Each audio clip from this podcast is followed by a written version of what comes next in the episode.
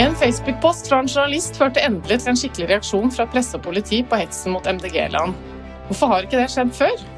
Hele ti medier ble felt i PFU denne uka. Si meg, lærer de aldri? Det lurer vi på denne uka. Det lurer vi på denne uka, Eva.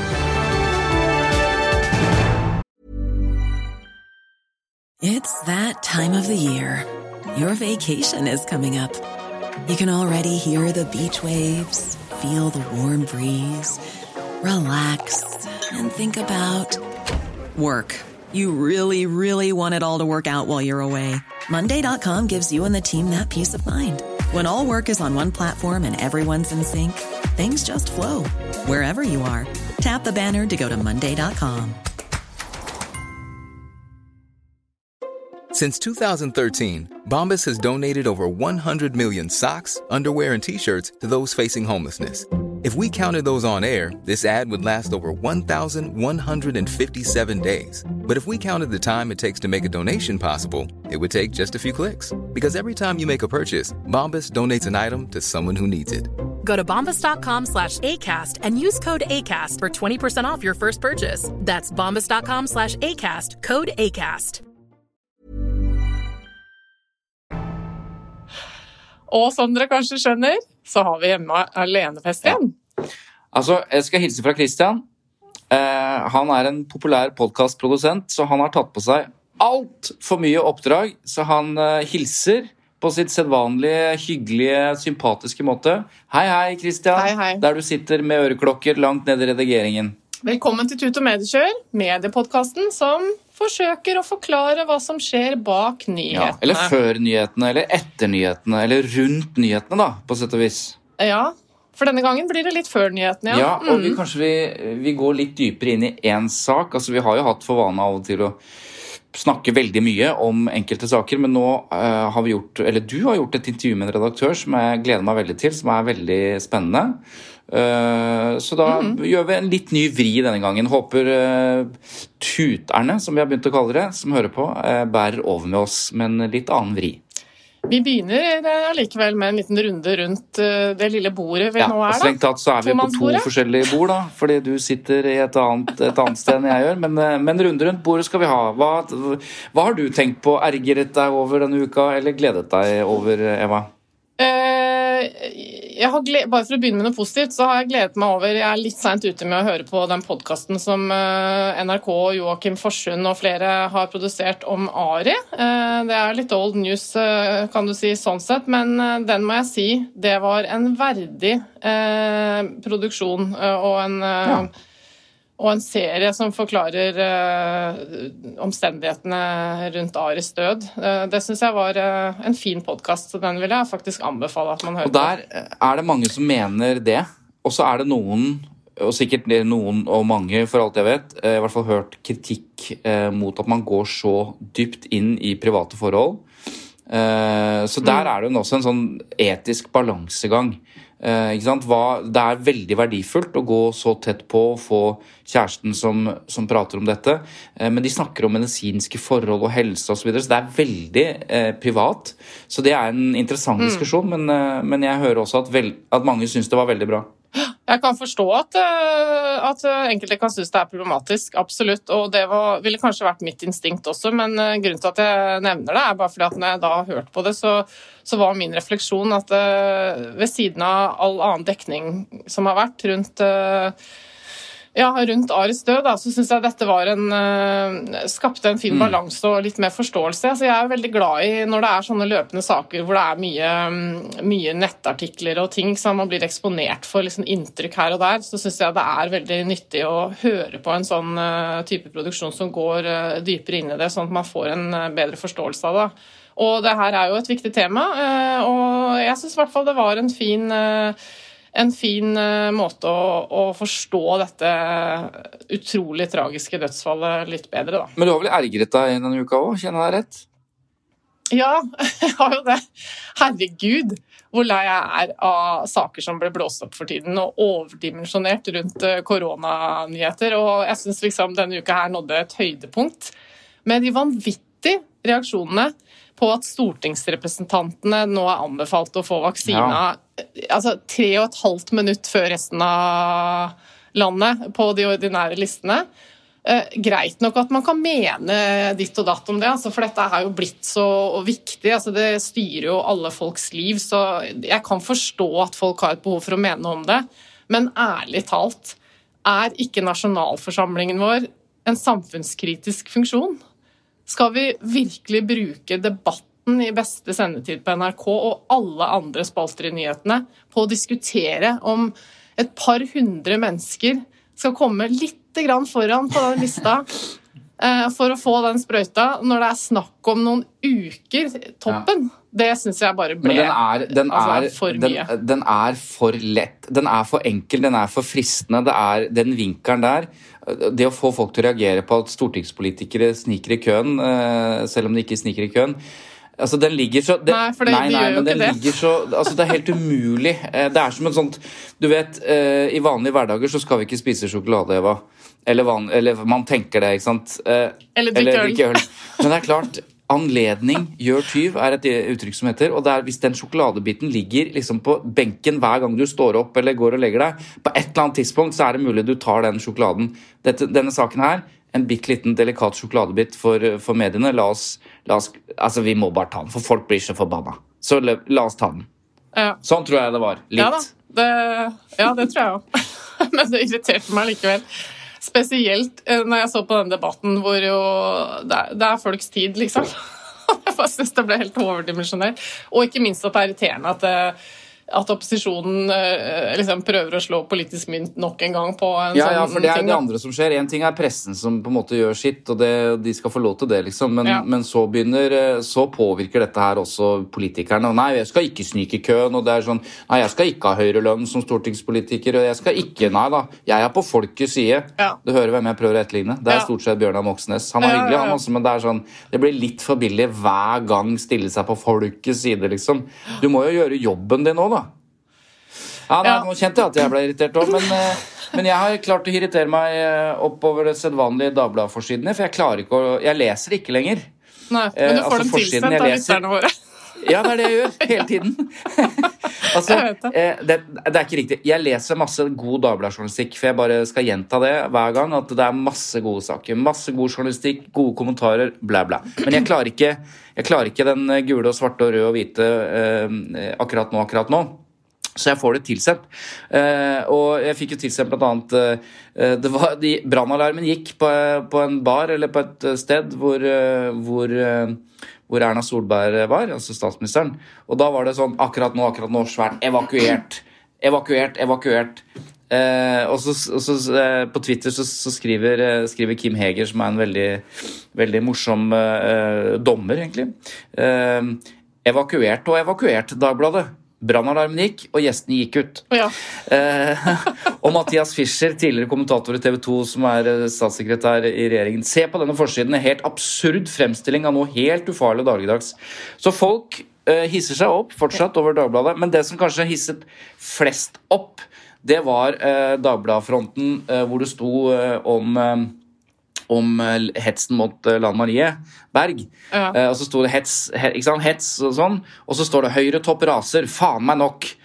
Nå vet vi jo hva det er, for det var jo Tina Bru, statsråden, som, som tok, uh, tok, et oppgjør mot hetsen. Men sånn som det ble fremstilt da det kom, så, så leses jo den forsiden automatisk som at nå er en høyretopp som syns det er faen meg nok med det Lan Marie Berg-greiene. Ja, ikke sant? At sånn man kunne misforstå det. Tror du det er med vilje? Jeg vet ikke. Jeg har slutta å mene akkurat om vilje, for det spiller egentlig ikke noen rolle lenger hva Dagbladet mener og ikke mener, og hva intensjonen var. Nei, Man må nesten se på resultatet. mm. Når, når liksom alle misforstår og roper opp om det, så er ikke jeg så opptatt av intensjonen lenger, fordi det fortsetter jo bare. Det er bare sånn. Men, eh, men det, er vikt, det, er noe viktigere med den hetsen mot Lan Marie Berg, og det er jo hovedsaken vår, eh, Eva. Ja, det er det. Ikke selve Dagbladet-fronten, men, men, det faktum at eh, noen nå har vist fram hvor jævlig den hetsen er. Mm. For dette er jo saken om hvordan en journalist, eller redaktør da, i Filter Nyheter, Harald Klungtveit, avslørte og satte søkelyset på hetsen mot Lan Marie Berg, og så fikk alle til å reagere, inkludert eh, politiet. Eh, og når jeg sier avslørte altså dette var jo ikke en sak som sto på Filternyheter. Altså, rett før så hadde jo Harald Klungtveit laget en kjempegod sak om, om eh, hvordan alliansen-lederen eh, infiltrerer, eller omvendt, med nynazister og Ja, det var en sak om nynazister ja, og alliansen. Mm. Ja, stor gravesak. Mm. Men dette her var jo en Her lagde han ikke journalistikk. Han, han posta rett og slett på Facebook. Bare noen minutter tok det for at han klarte å samle liksom 50 eksempler på, på hets og rasisme og sjikane og trusler mot Lan Marie Berg. Eh, og alt var hentet fra én Facebook-gruppe, vi som er totalt imot MDG. Mm. Der er det sånn typ 60 000 medlemmer. Og så posta han dette på Facebook. Eh, og så skjedde det noe. Mm. Og Det var utrolig interessant å se den dynamikken. Hvordan dette liksom ble til både lederkommentar i VG og masse Og VG fortsatte å lage journalistikk på andre sånne Facebook-grupper som også hetser LAN. Og det var liksom mm. Alle tok avstand. Og ikke minst da Høyre, Høyres Tina Bru, som virkelig gikk knallhardt ut. Mm. Så ble det jo virkelig, nå ble det jo et ordentlig oppgjør. da, og det var, eh, det var fint å se. Ja, det gjorde det. Og det ble jo satt i gang, som du sier, av eh, Harald Klungtveit da, i Filter Nyheter, så eh, jeg tok en prat med han. Jeg tenkte nå må vi høre hvordan dette gikk til. Uh, så... Ja, for jeg, jeg, Unnskyld, jeg lurte veldig på det. Som, hvorfor han ikke lagde og Hvorfor var ikke dette en Filter Nyheter-sak? Mm. Hvorfor var det bare en, liksom, nærmest en personlig Facebook-post av redaktøren? Hvorfor lagde han ikke en sak på det? Altså, det er, jeg, mm. Så jeg er nysgjerrig på det. da. La oss høre den lille praten jeg hadde med, med Harald Klungtveit. Harald, denne saken her eh, har jo satt i gang en debatt som man kanskje kan si er, var på overtid. Eh, men det var jo du som satte den i gang. Så hvordan, eh, hvordan starta det egentlig? Litt tilfeldig var det. Altså, eh, altså jeg, jeg surfer jo innom disse gruppene innimellom. Og så tror jeg jeg hadde sett i et annet fora at uh, det var litt trøkk rundt MDG pga. Uh, Pga. disse budsjettoverskridelsene, eller uh, millionsprekken knytta til, til vannverket i Oslo og sånn. Uh, med, med, fokus på, på Lan Marie Berg der. Uh, og da tenkte jeg at det, det, er sikkert enda verre inne på disse, disse spesifikke MDG-hatgruppene, for å kalle det det. da. Mm. Det, det finnes jo flere av dem, men dette er vel den største, så vidt, så vidt jeg vet. Ja, den så, heter Vi som vi er totalt som er imot totalt, ja, mm, Vi som er totalt imot MDG, heter den vel. Mm. Uh, den er såkalt satt på pause nå i etterkant etter, etter oppstyret, så vidt jeg har skjønt. Mm. Um, men jeg, jeg sveipa egentlig bare innom der på, på lørdag og scrolla litt i, i, noen av trådstartene. Altså dette, dette, er en gruppe der det eh, av og til opptil flere titalls trådstarter på en, på en dag. Altså det er, det er veldig mange eh, kommentarer totalt sett. Sånn, for det flere, kan jo være flere hundre kommentarer under ett enkeltinnlegg. Mm. Um, så selv for folk som uh, hadde ønska om faktisk moderert uh, det her, så ville jo det vært en, en, en fulltidsjobb og, og vel så det. Det måtte sikkert vært flere personer på fulltid for å kunne hatt noe, noe oversikt over disse kommentarfeltene, tror jeg. Men, men så var du inne der og tok noen skjermdumper, var det sånn? Ja, altså jeg Eh, alt handler jo Altså nesten alt handler om Lan Marie Berge der til, til vanlig. Um, og nå var det, var det nok litt ekstra et ekstra temperatur, og en uh, Altså i løpet av Jeg kikka bare på de siste to-tre dagene, men da var det jo en drøss med med Lan Marie Berg-innlegg, som i sin, sin, tur hadde fryktelig mange kommentarer. Så Jeg, men det var bare Altså, jeg jeg underdrev ikke, når jeg har sagt. Det var bare kanskje ti minutter, kvarter, at jeg satt og, og kikka kjapt på kommentarfeltene og tok skjermdumper av det som eh, framsto som eh, ja, hva skal man si, mest grovt i sånn folkelig forstand. Mm. Um, og, og, så veldig raskt at, at, at, det Altså at de var så mange på bare et døgn, da, som de fleste her var henta fra. Altså de, fleste her var fra samme dag. Um, at jeg fikk lyst til å synliggjøre den, den intensiteten i det. For det er ikke noe Altså, alle journalister og, og politikere med noe, noe kjennskap til dette vet jo at, at sånne kommentarer forekommer på disse gruppene. Men, uh, men kanskje ikke at det er så intenst i løpet av bare timer og dager. da. Og så skrev du en post på Facebook om dette. Ja, det, det var en helt enkel bemerkning om det jeg sa nå, egentlig. At, mm. at, eh, ja, at jeg ikke tror folk er klar over hvor, eh, hvor intenst det her er for Berg. Med, med, med, med noen titalls eksempler fra, fra den spesifikke gruppa. Og det, jeg, altså jeg tenkte jo tanken at det kom til å skyte litt fart, men, eh, men det var tydeligvis enda mer eksplosivt enn det jeg hadde sett for meg. da. Ja, for så kom jo Tina Bru fra Høyre ut og, og reagerte sterkt. Det var vel eh, under Eurovision-finalen at hun Ja, det var faktisk Det var faktisk midt under julesangen. Jo, jeg tror det var da Tina Bru skrev 'faen' og 'hold kjeft', eh, at, at mediene tok tak i det. Altså, jeg, jeg tror ikke det ville skjedd på den måten i det hele tatt, det, hvis, uh, hvis hun hadde skrevet en for så vidt like brennende kronikk eller gitt veloverveide sitater til, en, uh, til et av mediene. Det, det, det var den uh, ja, litt sånn dobbel sosiale medier-effekt ved at liksom mm. mitt innlegg skjøt fart og fikk delinger, og at, at hennes utbrudd også kom på Facebook. Som gjør at liksom hele mediedynamikken slår inn, og Ja. eh, absolutt, absolutt alle medier eh, kaster seg Hva på. tenker du om det?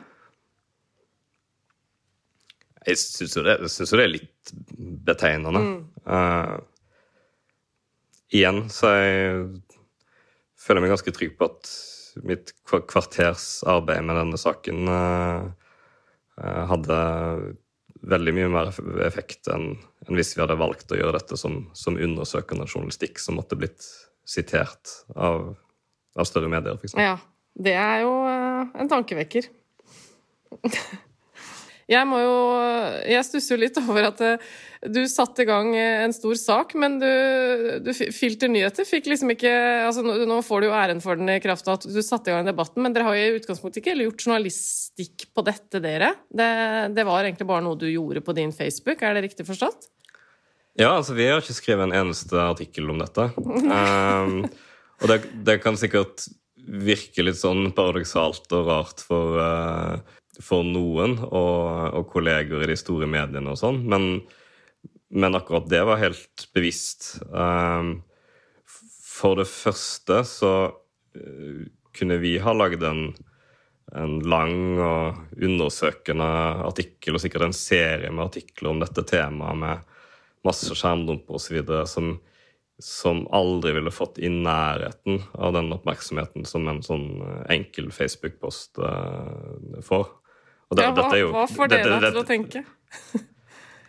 Nei, det er jo litt trist, men sånn Altså, jeg vet jo at det har blitt sånn, og jeg vet uh, Jeg vet hvor mye mer traction det får hvis jeg er uh, et ja, litt personlig tilsnitt, og avsender er, er meg, og dette skjer i sosiale medier. Uh, det har et helt annet potensial.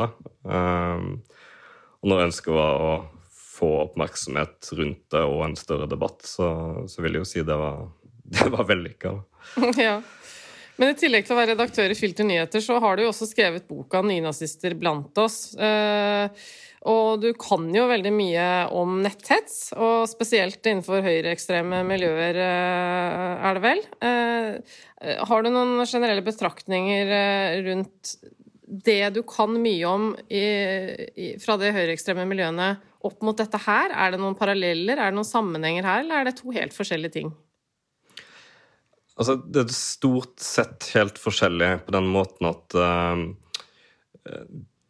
organiserte høyreekstremister er ikke så mye til stede i den type fora som dette. Uh, dette er i mye større grad helt vanlige folk. Um, den, den MDG-gruppa har vel altså Før den ble midlertidig stengt nå, så hadde den vel 63 400 medlemmer, eller noe sånt. Mm. Um, hvorav helt sikkert mange er passive tilskuere, og at det er en kjerne på noen hundre eller noen tusen som, som skriver mest. da. Men, men, det er jo ingenting som tyder på at, at de har noe tilknytning til høyreekstremisme. Men når det er sagt, så, så syns jeg det er skremmende å se at, at disse vanlige folkene ofte har en, en språkbruk som ligger veldig nære det verste jeg ser fra, fra høyreekstremt hold. Altså man, eh, man nærmer seg sånne antydninger om eh, landsforræderi og straff for det, altså underforstått eh, gjerne henrettelser. Litt sånn borgerkrigsreferanser. og og selvfølgelig det mer personlige, sånn som vi så her, da, med, med rasisme og kvinnehat. og og veldig sånn dypt stalkeraktig personlig, personlig sjikane. Som, mm. uh, ja, som, som, som, ligner på en måte på noe av det, det, verste for de som faktisk er ekstremister. Da. Så jeg, jeg, jeg, skjønner jo hva PST og andre etater sier når de, når de snakker om at etter hvert er veldig vanskelig å finne ut hvem som faktisk er farlige, fordi det er så mange som har denne, denne språkbruken. Ja, ja, for det, det er vel sånn at uh, mye netthets og sjikane uh, i kommentarfelt osv. er jo bare drøye ting, og så er det en liten andel av det som er faktisk straffbare ytringer, ikke sant? Ja, altså jeg, jeg, er ikke jurist, men jeg så at uh, blant andre Jon Christian Elden var inne i, i tråden min og kommenterte at uh, There's never been a faster or easier way to start your weight loss journey than with PlushCare. PlushCare accepts most insurance plans and gives you online access to board-certified physicians who can prescribe FDA-approved weight loss medications like Wigovi and Zepbound for those who qualify. Take charge of your health and speak with a board-certified physician about a weight loss plan that's right for you. Get started today at plushcare.com slash weight loss. That's plushcare.com slash weight loss. plushcare.com slash weight loss. Hiring for your small business? If you're not looking for professionals on LinkedIn, you're looking in the wrong place. That's like looking for your car keys in a fish tank. LinkedIn helps you hire professionals you can't find anywhere else, even those who aren't actively searching for a new job but might be open to the perfect role. In a given month, over 70% of LinkedIn users don't even visit other leading job sites. So start looking in the right place. With LinkedIn, you can hire professionals like a professional. Post your free job on linkedin.com slash people today. En del av disse eksemplene nok er strafferettslig relevante, og han, han anslo vel at et par kanskje kan kvalifisere til fengselsstraff under noen omstendigheter, mens, mens andre er bøter. Um, og nå, nå, blir jo en del av disse etterforska av politiet da, etter, etter, all oppmerksomheten som, eh, som, var rundt det. Så, så sånn sett så får vi, får vi, jo fasiten på det når det gjelder akkurat de eksemplene. Mm. Men, men, det er jo riktig at altså, det, er veld, det, er jo en veldig lav andel av kommentarene fra disse gruppene som er, som er straffbare. Altså, det aller meste er jo bare ondskapsfullt og, og hatsk uten at det liksom rammes av noen, noen lovparagrafer. Mm. Men hva tenker du eh, Er ditt inntrykk at, eh, at, kommentarer som i dette kommentarfeltet her, da, om Lan Marie Berg, er det folk som faktisk ønsker å skade politikere og utøve vold, eller er det bare altså prat? Altså, akkurat det vet man jo en del om, for når uh, Altså, hvis noen uh, truer politikere, altså, eller i hvert fall rikspolitikere, så, så har jo PST, eller politiet på anmodning fra PST, rykka ut, rett og slett. Altså på, på døra til, til, til vedkommende, hvis det, hvis det, er alvorlig nok, da. Mm. Hvis man snakker om å skade statsministeren, f.eks.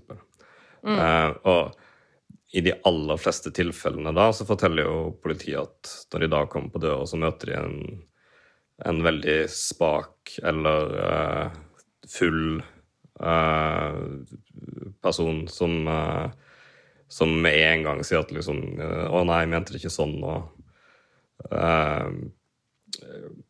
ja, har en forklaring sjøl rundt at det bare var et virkemiddel for å ja, for å være drøy eller få oppmerksomhet rundt eller noe sånt.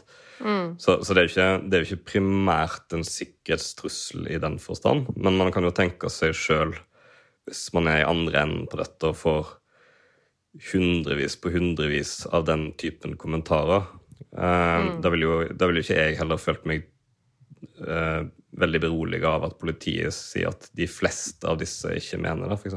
altså, det nei, nei. Det holder jo at Nei, én, det holder jo at én blant alle disse hundre mener noe mer alvorlig med det. Altså, og når de, de, berørte politikerne også forteller at de får, at de får uh, hatefulle bemerkninger på, på gata og sånn uh, av Altså på jeg tror det var Berg som fortalte at du hadde fått noen slengbemerkning på butikken. Uh, ja, stemmer det. Om at jeg, jeg, hater deg, eller noe sånt. Altså noe, noe, noe ganske Med barnet til stede. Mm. Ja, ikke sant. Så det, det, er jo det er jo ikke tvil om at det liksom, aggresjonsnivået er veldig, veldig høyt. Da. Ja. Eh, du har selv mottatt uh, trusler, stemmer det? Jeg mener jeg har lest det. Ja, det, det, en, det, var en fengselsdom for et par år tilbake en, mot en, en nynazist som, som trua meg. Men uh, det var i forbindelse med en, uh, en, nyhetssak der vi brukte navnet på en, bestemt person som var tilknytta de nynazistene. Mm. Men, men, sånn generelt så Vi får, har fått veldig få trusselepisoder, selv om vi jeg skulle si bevisst pirker i ekstremistmiljøer. da. Um, og jeg er også hvit mann som hjelper i konfrontasjonen med disse, disse folkene. Altså det, det, altså det, er jo interessant. altså Man, man ser liksom på på ordbruken hvis de vil være type med meg, er liksom så forskjellig eh, i forhold til hva kvinner og selvfølgelig kvinner med ikke-hvitt utseende eller minoritetsbakgrunn mm. eh, Når de ikke kan bruke de knaggene, da, så er, så er det liksom andre ord med en gang. Ja, men, men, ok, du har jo riktignok eh, mest som privatperson i det tilfellet her, da, men du er jo journalist og redaktør, og har jo da uh, i dette tilfellet tatt et visst ansvar ved å, ved å sette lys uh, i retning av dette her, da, og liksom sette søkelyset på noe som trenger å debatteres og bringes ut i offentligheten. Og det har du jo hatt suksess med nå. Hva tenker du om uh, Hvilken rolle har journalister og media i dette her, som jo er et økende problem? Altså, jeg, jeg, ser jo på dette som journalistikk også. Altså, Hvis mm. vi skal kategorisere det, så var det kanskje en, en veldig kort kommentarartikkel med veldig mange skjermdumper. um, uh, hvis man på død og liv trenger en sjanger på det. Men, men jeg, jeg, gjorde det jo selvfølgelig som, uh, som journalist og, og, og, redaktør og har et bevisst forhold til, til, hvordan det slår i offentligheten. Men eh, litt av poenget bak er jo at eh, mediedekningen av dette fenomenet blir veldig ofte uspesifikk og generell altfor rask. Altså man, man snakker om eh hets og sjikane og hatefulle ytringer i, i, Ja, altså generelt, og dykker for sjelden ned i, i disse altså man, man, er nødt til å ha sånn, helt konkrete eksempler for at de mest tvilende til dette skal forstå alvoret.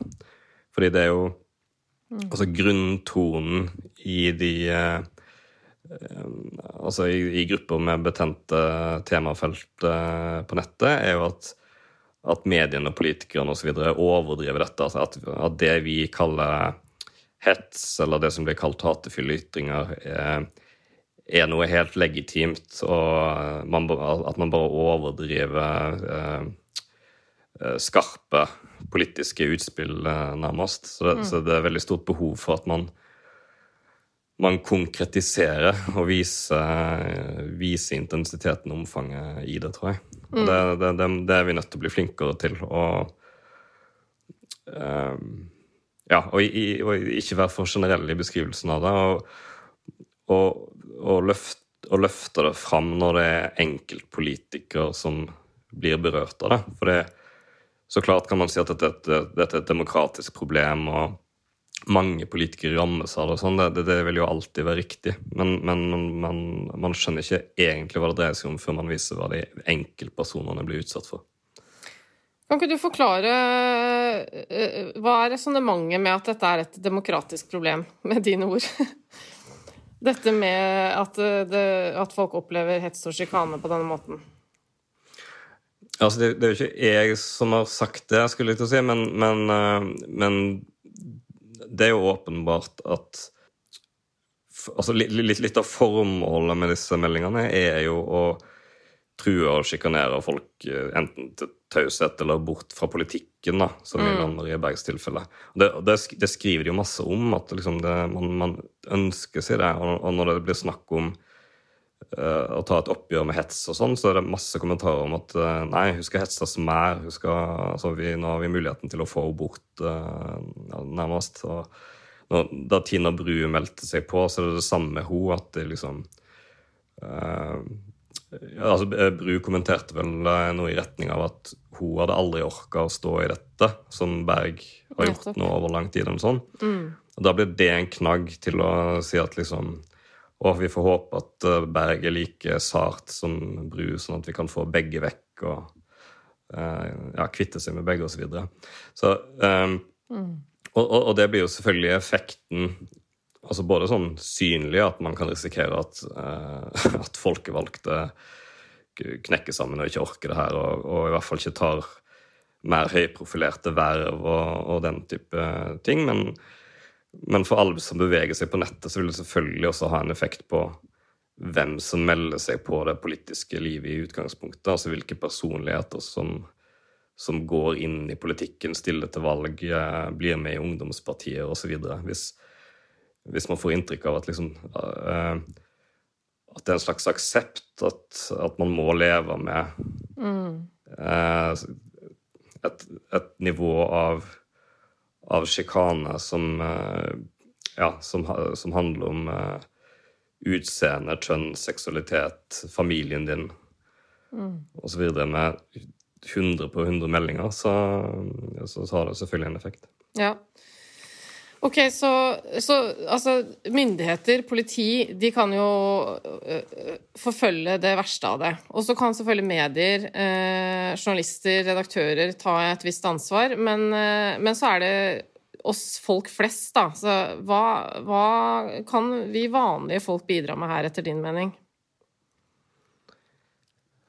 Nei, altså Dette er jo ikke rett fram i det hele tatt, fordi Uh, som vi er inne på, så er det jo er det ikke mye av dette som er uh, lett å lage en, en uh, tiltale for, for politiet. Mm. Um, og, og, det er jo på en måte bra også, at, at, terskelen er høy for å havne inn i det som er Altså at man ikke, ikke ved en tilfeldighet eller ved et uhell havner inn i det som er, er strafferettslig.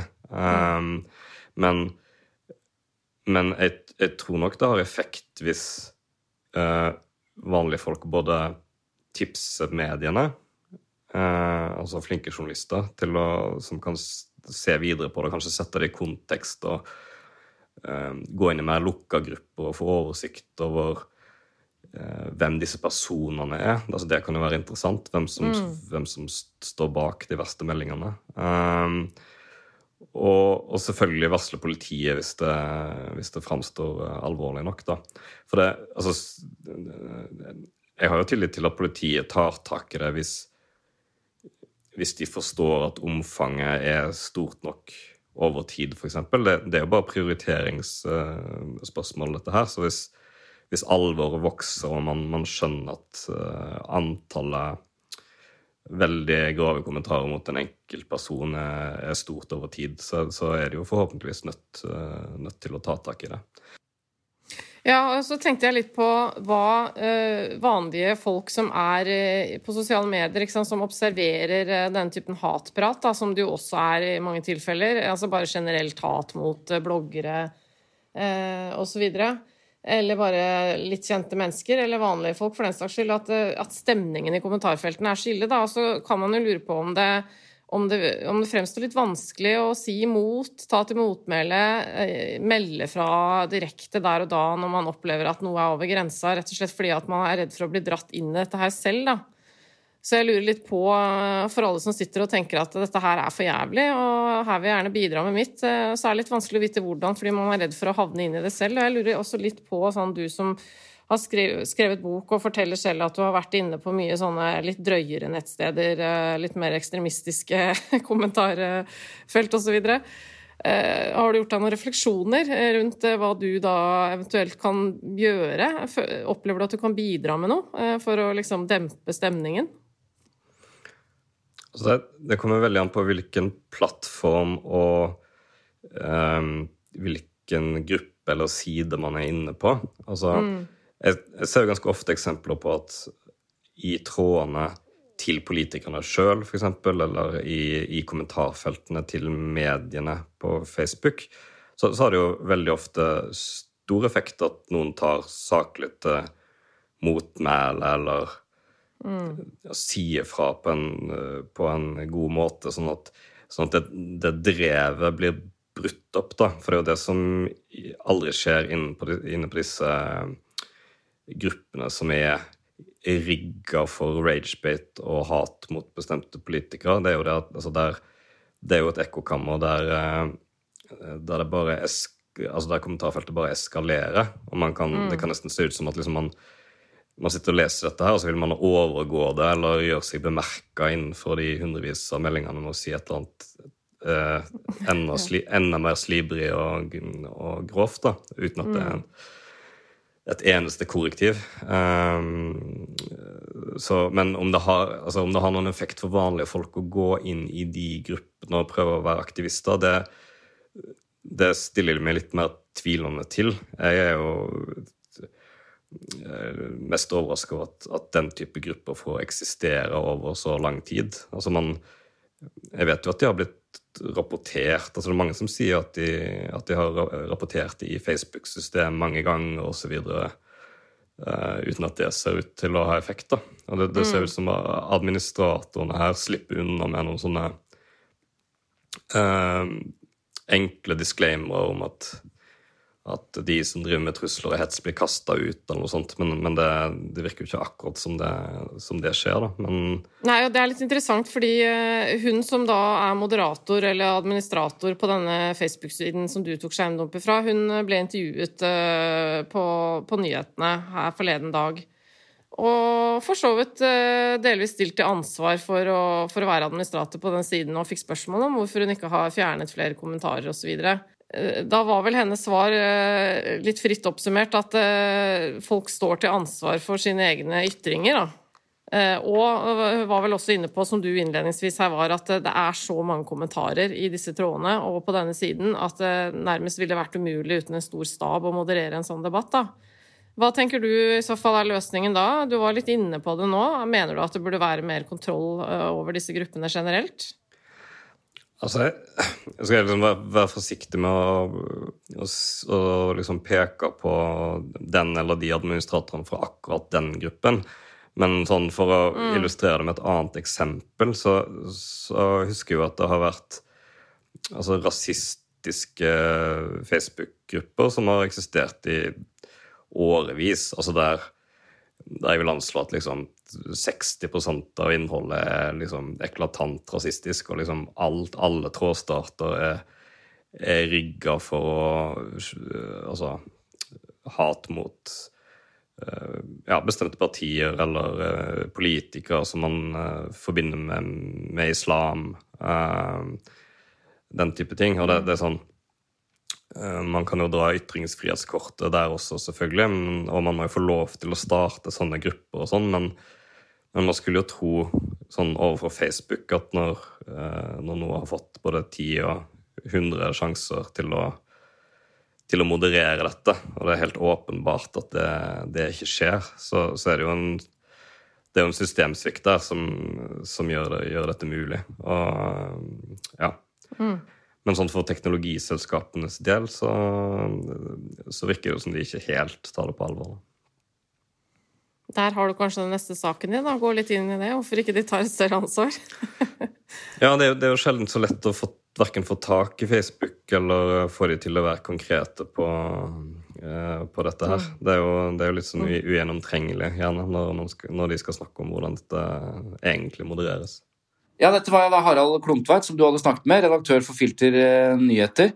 Men du må lære deg det at du må takke for intervjuet, Eva, når du, du, når du har gjort et intervju. ja, jeg tror jeg gjorde det etter det at jeg hadde skrudd, skrudd av opptaket. Så jeg har sagt du, takk. Ja. Dette var kjempeinteressant, og, og spesielt dette her med uh, Han sier det vel ikke rett ut, men, men altså, det er jo sånn i media at hvis, lag, hvis Filter nyheter hadde lagd en stor sak på dette Eh, så måtte jo da de andre mediene vurdert skal vi sitere filtermedia eh, på den saken de har brukt mye tid på, og løfte den over i våre spalter, eller skal vi la det bare Filter Nyheter lage den saken? Mm. Der er det Man er jo opptatt av sine egne saker. Eh, og det er det. Altså, er, det sånn at fordi han lagde denne, denne personlige posten på Facebook, så var det lettere for, for de andre mediene å, å, skrive om det? Fordi da, var det liksom ikke, da trengte de ikke å sitere Altså, det er veldig rart hvis det er sånn. Ja, jeg syns det er interessant, for det er jo ikke det Harald Klungtveit sier. Eh, det, det, han sier, er jo rett og slett at eh, han syns det er interessant at eh, liksom, det ble en så stor sak basert på mm. at han valgte bevisst å gjøre dette som en sånn håper å si, lettbeint post på Facebook istedenfor en stor sak på, på nettavisen deres. da. Mm. Eh, men jeg, jeg, er enig med deg. Altså, det kan jo hende at det har litt med det å gjøre. At når, når Filter Nyheter lager en, eh, en, sånn stor gravesak om alliansen osv., så, videre, så så, så, var det en så stor og bra og, og etterrettelig og grundig og alt mulig at det, det skulle man jo tro ble håper å Dagsnytt 18 og, og hele nyhetsrekka. Mm. Hvor han ble invitert som gjest, og, og, de andre mediene fortsatte å følge opp med, med, forskjellige saker. Det skjedde ikke i så stor grad, mens det gjorde det med denne Lan Marie Berg-saken. Ja, eh, så jeg tror det, er, ligger noe i det. Jeg, jeg kløna litt når jeg skulle si altså, Filter nyheter avslørte slik kobler alliansen tenåringer med nynazister i valgkampen. En mm. svær gravesak mm. eh, skrevet av Harald og, og, og Jonas Skybakmoen. Eh, og de har mange oppfølgingssaker på det. Dette har liksom vært den store satsingen. Det er en, et kjempearbeid. Men dette var altså bare en post som Harald eh, Men så skal vi jo ikke, eh, skal jo ikke underslå at Harald Klungtveit er jo en eh, veldig respektert redaktør og journalist som jobber med denne tematikken. Mm. Så når han eh, poster dette eh, og er redaktør, så er det jo også sånn at eh, det blir jo lagt merke til også fordi at han er redaktør i Filter Medier. Han er jo ikke en privatperson som tilfeldigvis bare tar masse skjermdumper. Ja. Mm. filternyheter. Mm. Han er ikke bare en privatperson som tar masse skjermdumper, og det vet jo også de andre mediene. Så, mm. men, men, det er klart det er jo interessant også dette med uh, hvor er det nødvendig å vise For nå fikk vi jo virkelig eksempler på det verste som hun blir utsatt for, og noen ganger er det antageligvis helt nødvendig, da. Mm. Ja, eh, som han sier selv. ikke sant? Han, eh, han, mener at eh, noen ganger så må man vise eksempler da, på, på, det, og ikke bare snakke om fenomenet på et overordna nivå. for da blir det, i hvert fall for leserne, liksom vanskelig å forholde seg til, og man vet ikke helt hvor alvorlig det er. og sånn. Så i det tilfellet her så mente han at hvis folk får lese og se hva, hva folk faktisk skriver, så, så, blir det litt mer nært. da. Og jeg syns også det var litt interessant det at da poster jo han masse skjermdumper fra en sånn halvåpen gruppe eh, på Facebook, mm. og det skulle bare mangle, det. altså Jeg mener ikke at det er noe feil i det, men, eh, men det er jo Nei, for der identifis folk. identifiserer man de navnene og sånn, ikke sant? Ja, som, som, kommer med hetsen. Ja, og i mange av disse oppfølgingssakene som pressen har gjort, blant annet så leste jeg en sak på tv2.no um, som hadde tatt kontakt med noen av disse navngitte personene som har skrevet kommentarer i dette kommentaret kommentarfeltet på den Facebook-gruppa. da. men mm. i deres sak så blir ikke disse personene navngitt. Og det er nok bevisst fordi at de opplever at eh, hvis vi da navngir dem når vi konfronterer dem, så, så blir det en, eh, en, litt sterkere identifisering på et vis. Eller om det er det at nå er vi plutselig våre egne spalter, og det er noe annet. Mm. Det lurer jeg litt på. Hva er refleksjonen, da? For jeg snakket litt med Harald om det etter at vi var ferdige også, og da fikk jeg også litt inntrykk av at eh, eh, den vurderingen var liksom ganske åpenbar på den Facebook-posten, men at eh, han hadde tatt en ny vurdering hvis han skulle laget en sak Ja, i fordi- sine egne spalter. han konkluderte ikke, men, liksom, men det er interessant akkurat det der med at eh, noen ganger så er det viktig å, å, å vise det som det er uten å anonymisere navnet. Eh, Men forutsetningen er kanskje da at det er såpass mange at, eh, at eh, det er så mange at det, det, er, det er mer enn tre. da? For hvis du, hvis du velger tre skjermdumper ut av 600 kommentarer, så blir det litt sånn urettferdig nærmest å plukke ut de tre og henge Ja. ut dem. da. Ja. Og dette, dette er jo en, eh, en sånn evig eh, diskusjon og vanskelig dilemma. Alt som har med identifisering å gjøre, er, er noe av det vanskelig, vanskeligste sånn rent presseetisk. For én ting er, eh, som vi har snakket om i flere episoder, identifisering i når det er eh, straffesaker. På hvilket tidspunkt skal man identifisere? Eh, man identifiserer veldig sjelden når en sak er liksom tidlig i prosessen, en anmeldelse eller en siktelse, men man vurderer på nytt når det er en tiltale, og ikke minst når det eventuelt er en dom. Da, Der har man liksom noen rutiner, men, men ulike medier gjør ulike ting. I dette tilfellet er det jo ikke en straffesak, men det er jo, høyst, det er jo høyst kritikkverdig oppførsel. Men man må jo ta med i betraktning den belastningen eh, som de eh, hetserne, da, eller de som har skrevet dette, også kan bli utsatt for når de blir eksponert for hele Norge, som de blir eh, hvis et stort medium identifiserer de.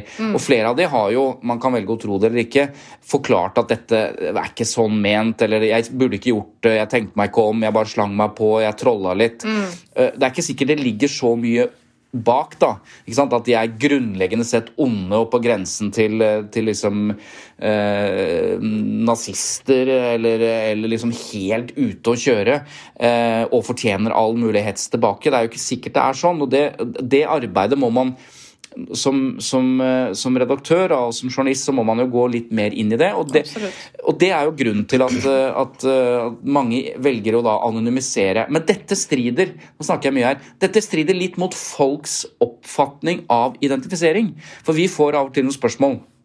Hvorfor er det greit at Line Andersen må stå liksom som eh, med trynet sitt i, eh, på, på forsiden hele tiden gjennom en vanskelig arbeidsrettssak, mens de som blir dømt for overgrep mot barn, liksom, de skal vi beskytte, de skal vi anonymisere. Altså, det er et eller annet folk ikke helt forstår med liksom, hvem, hvem fortjener gapestokk, og hvem fortjener ikke. da. Så det er litt komplisert, dette her. ja, det er det. Hva tenker du? Hva bør, eh, bør eh, overgrepsdømte eh, identifiseres eh, for lokalmiljøet, sånn at folk kan eh, gå på andre sida av gata når de møter dem? ja. Altså, det Identifiseringsspørsmålet i presseetikken er jo kjempekomplisert, så det rekker vi ikke å dra igjennom på Nei, noen minutter. Men, men det er jo et legitimt spørsmål, absolutt. Helt overordna. Hvorfor er det sånn at med en gang du er litt kjendis Dette var vi inne på når vi snakket om Line Andersen-saken. Eh, Hvorfor er det sånn at eh, bare fordi man har trynet sitt på TV, så, så er det liksom selvsagt for alle? Og da bruker jo herr og fru redaktør ofte denne formuleringen med at eh, dette har hun selv brakt til offentligheten osv. Både ved å gå åpent ut i en åpen rettssak, men også det å eh, ta en jobb som innebærer at du har ansiktet ditt på TV og folk kjenner deg. da. Eh, Mens eh, på den andre siden, eh, når det bare er noen som har gjort noe skikkelig gærent, skikkelig straffbart, er i en rettssak, men ikke er noe kjent, så, så kan man komme til den beslutningen at man anonymiserer. Men det kan være mange ulike hensyn til det. ikke sant? Det trenger ikke nødvendigvis å Ja, og det være jo- den det handler om. Det kan være andre involvert i saken, det kan være andre grunner til å anonymisere. da. Familiemedlemmer osv. Mm. Men du, eh, beklager at jeg tok den ut i identifiseringsdiskusjonen, men tilbake igjen til hetsen. Altså dette med hets eh, som går utover Lan Marie Berg, men, men eh, det har vært også mye snakket om dette med eh, altså trolling i, i, i kommentarfeltene. eh, at det er et problem Ja. sant? For, for demokratiet, for ytringsfriheten. fordi at en ting er de ytre rammene eh, i ytringsfriheten, og at ytringsfriheten eh, er jo der nettopp for å beskytte de de ubehagelige meningene og de kontroversielle meningene osv. Mm. Ytringsfriheten er jo ikke til for å beskytte det vi sitter Altså våre diskusjoner her, Eva, som er ja, Det kan du si mye om de, men de er ikke spesielt, de er ikke helt i ytterkanten, på en måte. Ytringsfriheten er jo for å beskytte de ubehagelige tingene. Og det, Den diskusjonen der, liksom, hvor, uh, hvordan skal vi ta, eller hvordan skal samfunnet ta ansvar for um, både å ivareta ytringsfrihet, uh, men samtidig sørge for at folk ikke liksom ja. kneler da, eh, under hets. Ja, det, det, der er veldig interessant. Altså, fordi at, eh, det, jo, eh, det, kan jo tas ansvar for dette på ulike nivåer. Det helt øverste er jo selvfølgelig at myndigheter og politi og så videre kan forfølge de verste av det, men det er jo egentlig bare en bitte liten andel av uh, den type hatkommentarer og sjikane som foregår da, i spalter og mm. kommentarfelt. Det er jo bare en bitte liten øverste del av den skalaen der som, som, er straffbare handlinger som kan forfølges av politiet. Så Det prøver jo de etter beste evne å, å, følge med på, og det gjør de heldigvis også. Altså, politiet er jo inne på internett og følger med, men er jo, omfanget er jo enormt. så jeg tror ikke det er, det er mulig for dem å fange opp alt. Pluss at uh, veldig mye av dette skjer jo også på, på live lyd i noen av disse appene. Sånn Discord og sånn, som er sånn, eh, sånn forum for eh, bl.a. Eh, gamere. Men det er jo et sosialt nettverk, det òg. Der er det mye lydoverføring ikke sant, som de ikke har tilgang til, for det lages ikke noe sted. Så det er, dette her er jo superkomplisert for politiet, selv om de gjør jo antageligvis en mye bedre jobb på dette enn det mange vet om. da. Og så er det jo eh, mediene, tenker jeg, da, som har et visst ansvar. Og, de har jo et ansvar på veldig mange parametere. For én ting er hva de eventuelt gjengir og velger å sette søkelyset på, som er sånn som Harald har tatt en beslutning eh, nå om å liksom ta noe skjermdumper, legge ut noe og skape en debatt. Da. Men en mm. annen ting er jo liksom de, hvordan de omtaler ting. Eh, hvordan de farger sakene, hvordan de legger dem fram på front. Eh, altså de har et mm. ekstremt stort ansvar i hvordan de påvirker folks oppfatning om dette problemet. da. Det tenker jeg mm. kanskje er det aller viktigste. At de må være seg bevisst, og det er de nok også. Men det kan godt hende at de i større grad kunne tatt tak i dette. Eh, det, det var jo mange som sa etter dette som Harald Klungtveit gjorde, at eh, denne debatten var på overtid, liksom. Eller dette problemet uh, var på overtid uh, mm. i, i, diskusjonen, da. Men så er det jo oss andre, som, som, jeg også spurte Harald om, som du hørte. Hva kan vi gjøre? Ja. Uh, og jeg tenker at det, jeg liker veldig godt et ord som har vært oppe i ulike sammenhenger, dette med ytringsansvar. Mm. Fordi eh, vi snakker hele tiden om ytringsfrihet, ikke sant? og som du er selv inne på, da, det, ytringsfriheten er jo der for å sørge for at folk skal kunne bryte meninger, at de kontroversielle meningene også skal ha en plass. Det skal være lov å være uenig, det skal også være lov å ha ganske drøye meninger. Så lenge ikke du oppfordrer til vold og, og straffbare handlinger og sånn, så skal du på en måte få lov til å mene ting som ikke er eh, Eh, blant eh, gjengs oppfatning om ting og tang. Og du skal også få lov å, på en måte gjøre narr av folk og, ja, og si ganske drøye ting, egentlig. Men, men hvis man, ja, man skal kunne gå ganske langt. Ja, rett og slett. Og spesielt når det er snakk om meningsytringer. ikke sant? Folk skal få lov å mene ganske mye i samfunnet. Men, mm. men det innebærer da på den andre siden av skalaen at, at folk Eh, liksom forholder seg til et visst ytringsansvar. Da. Jeg liker veldig godt det ordet. Eh, og det, mm. det handler jo bare om at eh, at hvis, hvis, ytringsfriheten skal fungere, så må vi ha en slags eh, felles oppfatning også om eh, hva som er innafor. Eh, på, på, den delen av skalaen som ikke politiet kan følge opp, men som er drøy hets og sjikane. ikke sant? Og der ja. er mye av disse kommentarene mot Lan Marie Berg. De befinner seg jo der.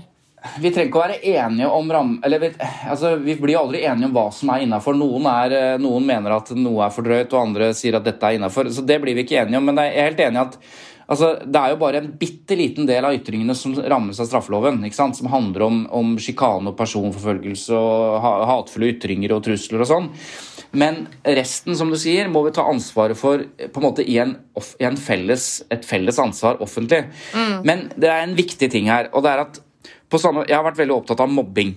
Uh, skrevet mye om det tidligere. Uh, ment mye om det. Uh, og forutsetningen eh, Jeg husker jeg snakket med den liksom mobbeguruen, eh, forskeren i Bergen, Dan eh, Olveus, tror jeg han heter, og mye om dette her. og liksom, Hvordan får vi bukt med mobbing? Som er en annen en måte, variant av et samfunnsproblem som handler om noe av det samme. da. Og noe av det viktige er at vi, det, vi kan, det kan ikke gå inflasjon i ord, ordet mobbing og begrepet mobbing. Altså, Vi kan ikke kalle alt for mobbing, for da er det liksom ingenting mobbing. Og det er det Nei. samme med dette nå vi ser nå, at eh, når vi snakker om netthets, så skriver mediene saker om at det ble hetset og fikk sånn og sånn. Nei, nei, de fikk motstand. Altså, de, de, noen sa at de mente at det de sa, var tull. Og Det er jo ikke hets. Ja, altså, hvis, vi, hvis, vi ikke, hvis vi ikke klarer å definere hets som i ytterkanten og randsonen altså Vi kan si det er noe som er straffbart. Det kan være hets som er straffbart. Og så har vi det som ikke er straffbart, men som er grovt allikevel.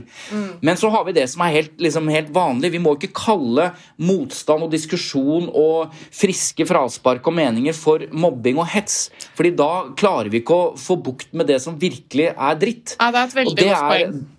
Og, ja, og, og er der jo mm. må folk skjerpe seg, og mediene må skjerpe seg. Fordi de Ja. lager selvfølgelig klikksaker på hets.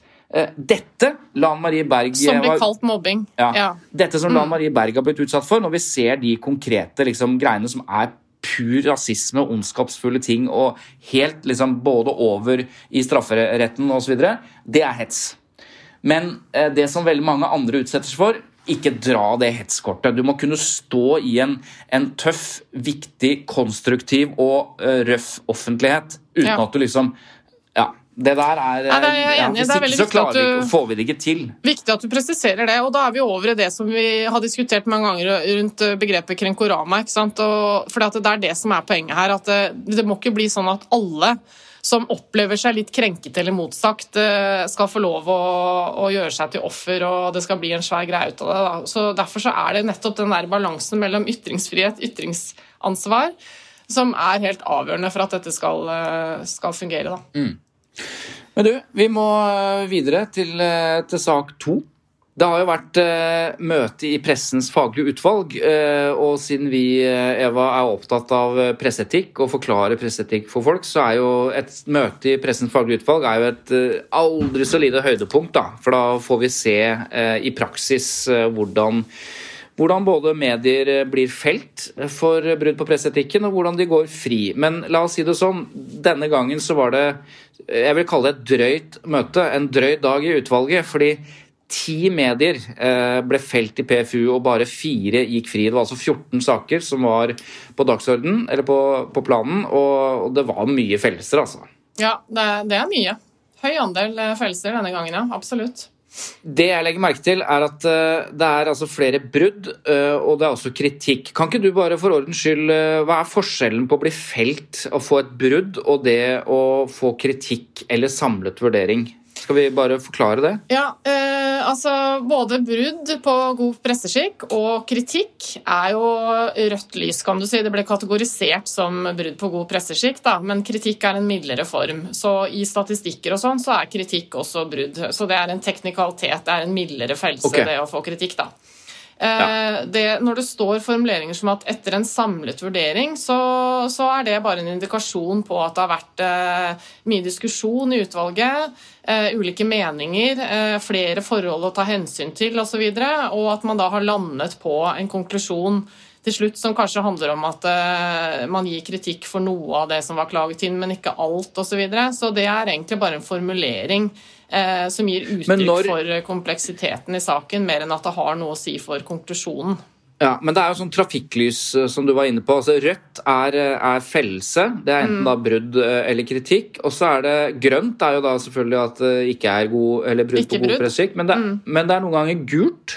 Nei, altså, Det er det som er poenget. da, at Det er egentlig ikke noe som er gult, men man kan jo si at kritikk eh, kan oppfattes som eh, gult fordi det ikke er full fellelse. Men poenget mitt er at eh, får du kritikk i Pressens faglige utvalg, så er du på rødt. Altså, da, okay. da er det et brudd, ikke sant? men det er et mildere Ja. brudd. Altså, det blir feil å si at det er gult, fordi det er liksom halvveis greit, og det er det jo ikke. Og det eh, som vi nå ser når PFU har hatt møte, det er ti fellelser, eh, som er da både enten brudd eller kritikk. eh, så ser jeg at det er mye 3-2. Altså punkt 3-2 i Vær varsom-plakaten. Altså Seks av de ti bruddene er brudd på 3-2.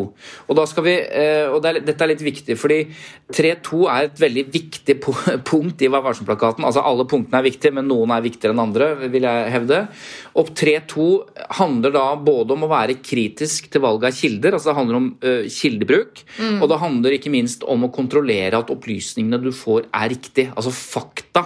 Og det er to kjempe... Altså Helt presist så står det 'vær kritisk i valg av kilder', og kontrollere at opplysningene som gis, er korrekte. Og det er god presseskikk å tilstrebe bredd og relevans i valg av kilder, og så skal du være aktsom med behandling av informasjonen som kommer fra anonyme kilder, eller kilder som tilbyr eksklusivitet, eller kilder mot betaling, da.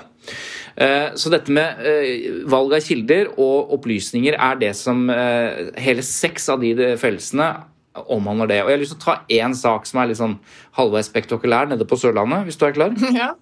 Altså Lister24 eh, publiserte i, i januar i år en artikkel med, med tittelen 'Nærmer seg gjenopptakelseskommisjonen'. Det handler om en straffesak som, skal, som, er, eh, som mulig skal opp for eh, kommisjonen. Men så står det i ingressen Spesialenheten for politisaker skal nylig ha avsluttet etterforskningen som Breaking Bad-lederen fra Lyngdal har begjært gjenopptatt. Altså Det er en eh, mann som omtales da som en gjengleder. Breaking Bad, referanse til denne TV-serien, som kanskje mange har sett. Ja, ja. Mm. og de kaller han Breaking Bad-lederen. Eh, og så skjønner de at de har driti seg ut. Eh, så, kommer det en rettelse da en måned, eh, eller noen dager etterpå. Så står det i vår omtale av en sak som muligens nærmer seg gjenopptakelse, publisert på lister, sånn og sånn, kom vi i skade for å omtale den omtalte mannen som Breaking Bad-lederen og ligaleder. Det er han selvsagt ikke.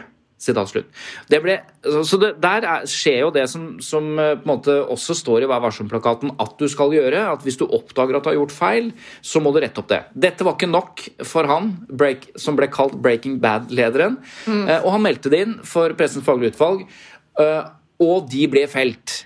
Eh, Og og legg merke til, det, til tross for at de hadde rettet feilen noen dager etterpå, og da skriver eh, PFU at eh, PFU mener imidlertid at den publiserte feilen var av en slik alvorlighetsgrad at rettelsen ikke veier opp for det opprinnelige overtrampet. Altså, Lister 24 har brutt god presseskikk på punkt 3.2 i Vær varsom-plakaten. Altså Ja. Det punktet som handler om at du må kontrollere at opplysningene er riktige. Ja, dette her er litt interessant, for man kan jo tenke seg til at uh, en avis skriver noe, og så blir det gjort oppmerksom på feilen, uh, og så etter litt fram og tilbake dialog med kilden og sånn, så retter de opp denne feilen. Mm. Og det kan man jo kanskje gjøre smart i for å unngå en PFU-klage, da, ikke sant?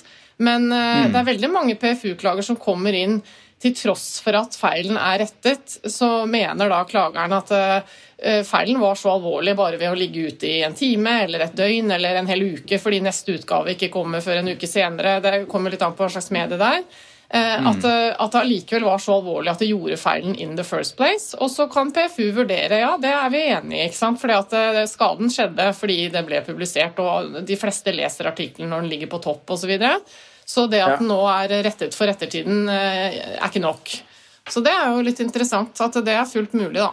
Og det, og det er bare for Grunnen til at vi tar med dette med 3-2, er at det, som sagt, det, er en vikt, det er et viktig punkt. Du må, du må sjekke faktaene dine, og du må være kritisk i valg av kilder. Og hele seks fellelser er altså på, på dette punktet. Da. Men det, det var jo en som var mer eh, Altså, dette var lokalavis, men det var jo en, en sak som, eh, som kanskje var, eh, var mer eh, Skal vi si mer kjent for allmennheten. Det handlet jo Dagbladet fikk vel også kritikk.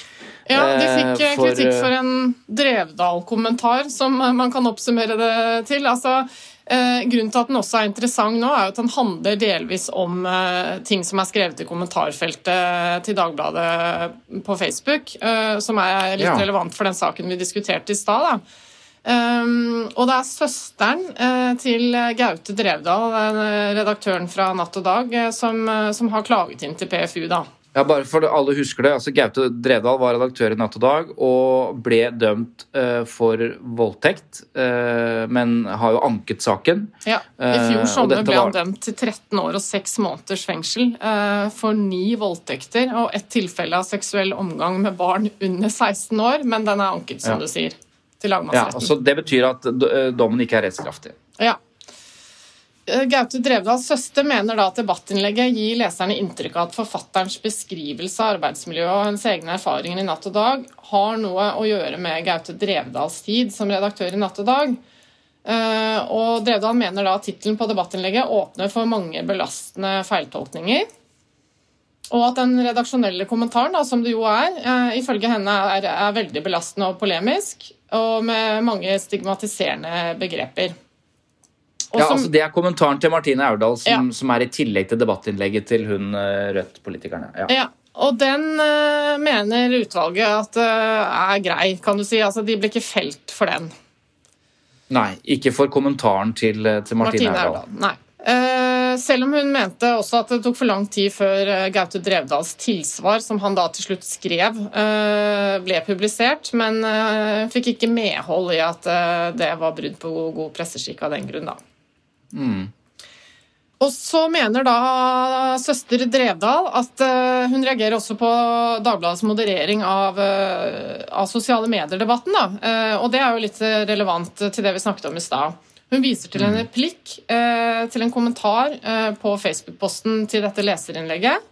Og replikken oppfordrer da til avliving av den tidligere Natt og Dag-redaktøren, altså broren hennes. Altså Det er jo drapstrusler i kommentarfeltet til Ja, Dagbladet. basically så er det jo det. Og så Ja. er det jo det vi snakket om i stad. At uh, folk mener kanskje ikke det bokstavelig talt osv. De blir litt carried away når de er sinna på ting, men det hjelper jo ikke. Det er jo en drapstrussel som blir skrevet i rene ord. Og det var PFU litt mer enig i. Eh, diskusjonen var eh, ganske heavy i utvalget, men, eh, og det ble sagt ting som at eh, vi kan ikke ha drapstrusler i kommentarfeltene. Ikke sant? Dette er jo kommentarfeltene under Dagbladets egne saker, så det, det blir jo da betraktet som en forlengelse av det redaksjonelle produktet til avisen. ikke sant? Så de har selv ansvaret for dette kommentarfeltet, selv om det ligger på Facebook. da. Ja. Så, så det fikk de kritikk for. Ja. Mm. Men jeg ser på fellelsen at de er altså fått kritikk for eh, liksom tre, tre punkter. Og det ene er eh, dette som at man det fremstår som det er, handler om Gaute Drevdal, uh, selv om det ikke står. Og, det, og da får de kritikk for liksom det punktet i Vær varsom-plakaten som handler om uh, saklighet og omtanke, innhold og presentasjon. ikke sant? At det skal være Mm. Ja, det fremstår på en annen måte enn det det er, da. Og så får de kritikk også fordi det tok så lang tid før, de, før de fikk tilsvar til dette. Så de blir også felt på 415 eh, som er eh, at tilsvar skal publiseres så raskt som mulig. og Det, det tok jo veldig lang tid før tilsvaret kom. Ja, riktig. Eh, og så ble de eh, felt på, på dette kommentar... Eller drapslusseren. Altså det er et punkt i Vær varsom-plakaten altså 417 som handler om eh, nettopp dette med moderering av, av, av kommentarer i kommentarfelt, blant annet. Eh, fordi, fordi Dagbladet fjerna jo det når de skjønte at Eller når det ble gjort oppmerksom på det. Men PFU mener at, at reaksjonen Altså de burde ha bedre overvåket kommentarfelt. da. Det kan Ja, det ikke være sånn at draps... Det som står i varselplakaten på dette, er følgende. Dersom redaksjonen velger ikke å forhåndsredigere digitale meningsutvekslinger, må dette bekjentgjøres på en tydelig måte for de som har adgang til disse. Redaksjonen har Mm. et selvstendig ansvar for så snart som mulig å fjerne innlegg som bryter med god presseskikk. Og, og Mm. Men det er selv et- om de gjorde det, Ja. selv om de fjernet det, så får de kritikk for det. Det er nettopp det, fordi at eh, I en sånn type klage så må rett og slett utvalget vurdere hva de mener er eh, innen rimelig tid. ikke sant? Så snart som mulig, står det. Og hva er så snart som mulig? Det blir jo en kapasitetsgreie. Da kan jo avisen skrive vi har ikke kapasitet til å følge med. Det er ikke nødvendigvis bra nok. ikke sant? Da kan jo svaret være da må dere sørge for å ha den kapasiteten. Da må dere ansette folk, ellers Ja. må dere stenge kommentarfeltet. Og det er det jo veldig mange medier som har gjort. Ja, og det er det PFU skriver ikke sant, i, i, eh, i, eh, i sin kritikk. Mm. At eh, de burde ha sørget for bedre overvåkning av kommentarfeltet. Det dreier seg om svært rammende utsagn Mm. rettet direkte mot den tidligere redaktøren, da, som burde vært luket ut. Så så Det er jo bra å vite da, at PFU er veldig strenge på det. at det, altså Apropos den saken vi snakket om, ja, ikke sant, med hets og, og sånn. at det, det, eh, de, kan, de, de må være mye raskere på labben eller, eller overvåke det. Og det, du kan jo vite litt også hvilke typer saker som fører til eh, vil, altså mye følelser og reaksjoner og, og, og mye potensielt dårlig kommentar. da. Da må det være litt, eh, kanskje er rådet å være litt mer på ballen, eller rett og slett ikke ha kommentarfelt. Det er jo, det, det er jo noen saker som kanskje ikke bør ut eh, i Facebook, rett og slett. Ja, og det tror jeg det gjøres vurderinger på noen ganger, fordi man bare vet at det kommer til å ta helt av i kommentarfeltet, så den egner seg rett og slett ikke der, da. Eh, En annen ting som, som var litt interessant i ukas PFU-møte, var at det var så mange saker som ble behandlet såkalt lukket. Og så har jeg fått Ja, spørsmål om det sånn? Eh, Det er noen som har spurt, for Er det ikke sånn at PFU er for åpenhet? Alle som representerer pressen, er jo for åpenhet, så hvorfor lukker de dørene i enkelte saker? Og denne gangen var det veldig mange, da. Mm. Fordi at eh, PFU-møtene streames jo på journalisten.no, så alle kan gå inn og følge det møtet hvis de ønsker det. Og så ble det da stoppet opp for, eh, for noen lukkede saker. Og, Men akkurat i det tilfellet her så var det veldig mange, rett og slett fordi at det er såkalte parallellklager. Altså det er én klager som klager på flere medier, ikke sant? så da får de Det var jo syv saker. Men det er ikke nødvendigvis syv ulike saker, det er bare samme klager som har klaget på flere medier eh, om samme saksforhold. Da. Men grunnen okay. til at man lukker, er jo, eh, er jo at eh, sant, det, er, det er beskyttelse av klageren som regel som er bakgrunnen for det. da. Men handler det også om det kan være barn og, og opplysninger knyttet til altså, altså sånne type personvernsak eller personvernhensyn? Ja. Det, det kan være barn og ungdom eh, som, eh, som rett og slett eh, Det kan være overgrepssaker, ikke sant. Eh, omsorgstvister, ting som er sensitive, som pressen selv ikke ville identifisert da, eh, i sine egne spalter. Og da vil det være veldig feil å streame en sak hvor, eh, hvor eh, diskusjonen naturlig nok eh, må utlevere for mange detaljer. da. Da får man jo innvilget i PFU som klager at eh, jeg ønsker å klage, men jeg ønsker ikke at denne saken skal omtales, eh, fordi det vil være en ekstra belastning. Og så får man innvilget det hvis man har en god grunn til det. da. Det er samme logikken som eh, når retten, altså vanlig retten, eh, lukker dørene eller eh, inn, altså, legger begrensninger på, på, på offentlig, den offentlige biten av rettssaken. Da. Riktig. Fordi det er, det er den samme type hensyn. Ja. Men du, vi har fått et kort lytterspørsmål som du sikkert kan besvare. eh, fra Marikken. Hei, ivrig lytter som lærer mye. Lokalavisen min, det er da Sarpsborg Arbeiderblad, ble felt i PFU og la ut hele kjennelsen på avisens nettside. Jeg vet ikke om den er i papiravisen, men eh, da ble jeg nysgjerrig. Er det vanlig, eller er det noe jeg har lagt merke til først eh, eh, fordi jeg har lært så mye om PFU det siste året? Altså, Er det vanlig å legge ut hele kjennelsen Eh, på nett? Ja, altså jeg vil si at det er ganske vanlig. Eh, det er nok ønskelig på en måte, da. At, eksempel, PFU eh, har et sekretariat som skriver eh, sakspapirene. Dvs. Si at de gjengir klagen, og så gjengir de svaret fra mediet, og så gjengir de tilsvarsrunden, som er to-tre runder frem og tilbake mellom klager og, og mediet. Og så lager de en oppsummering, og så lager de et forslag til en uttalelse, og så er det møte i PFU. Og da diskuteres det, og så endres denne uttalelsen. Så den teksten som vanligvis er på typ eh, en av fire side, er vel kanskje gjennomsnittet. En kort av fire side.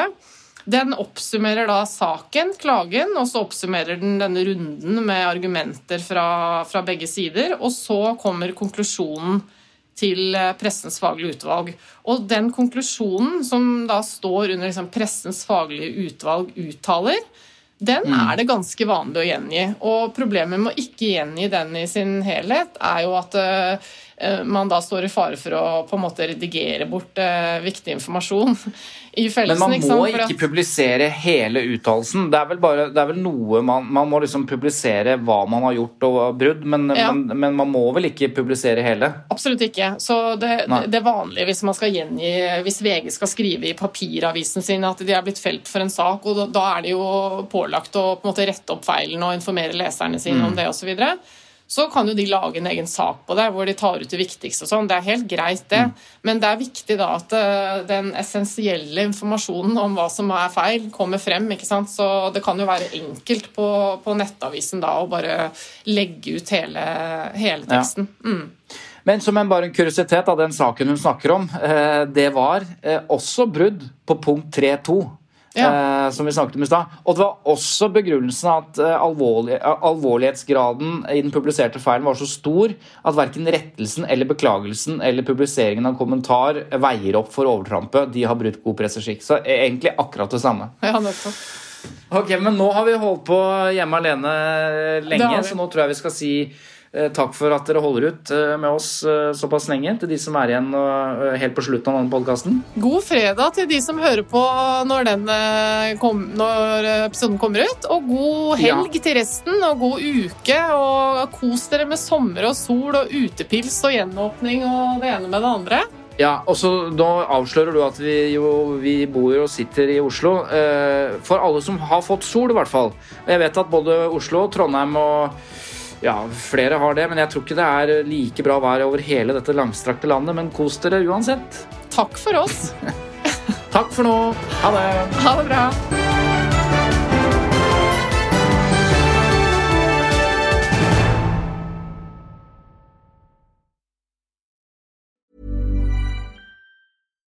Here's a cool fact a crocodile can't stick out its tongue. Another cool fact you can get short term health insurance for a month or just under a year in some states. United Healthcare short term insurance plans are designed for people who are between jobs, coming off their parents' plan, or turning a side hustle into a full time gig. Underwritten by Golden Rule Insurance Company, they offer flexible, budget friendly coverage with access to a nationwide network of doctors and hospitals. Get more cool facts about United Healthcare short term plans at uh1.com. Planning for your next trip? Elevate your travel style with Quince. Quince has all the jet setting essentials you'll want for your next getaway, like European linen, premium luggage options, buttery soft Italian leather bags, and so much more. And it's all priced at 50 to 80% less than similar brands. Plus, Quince only works with factories that use safe and ethical manufacturing practices. Pack your bags with high-quality essentials you'll be wearing for vacations to come with Quince. Go to quince.com slash trip for free shipping and 365-day returns.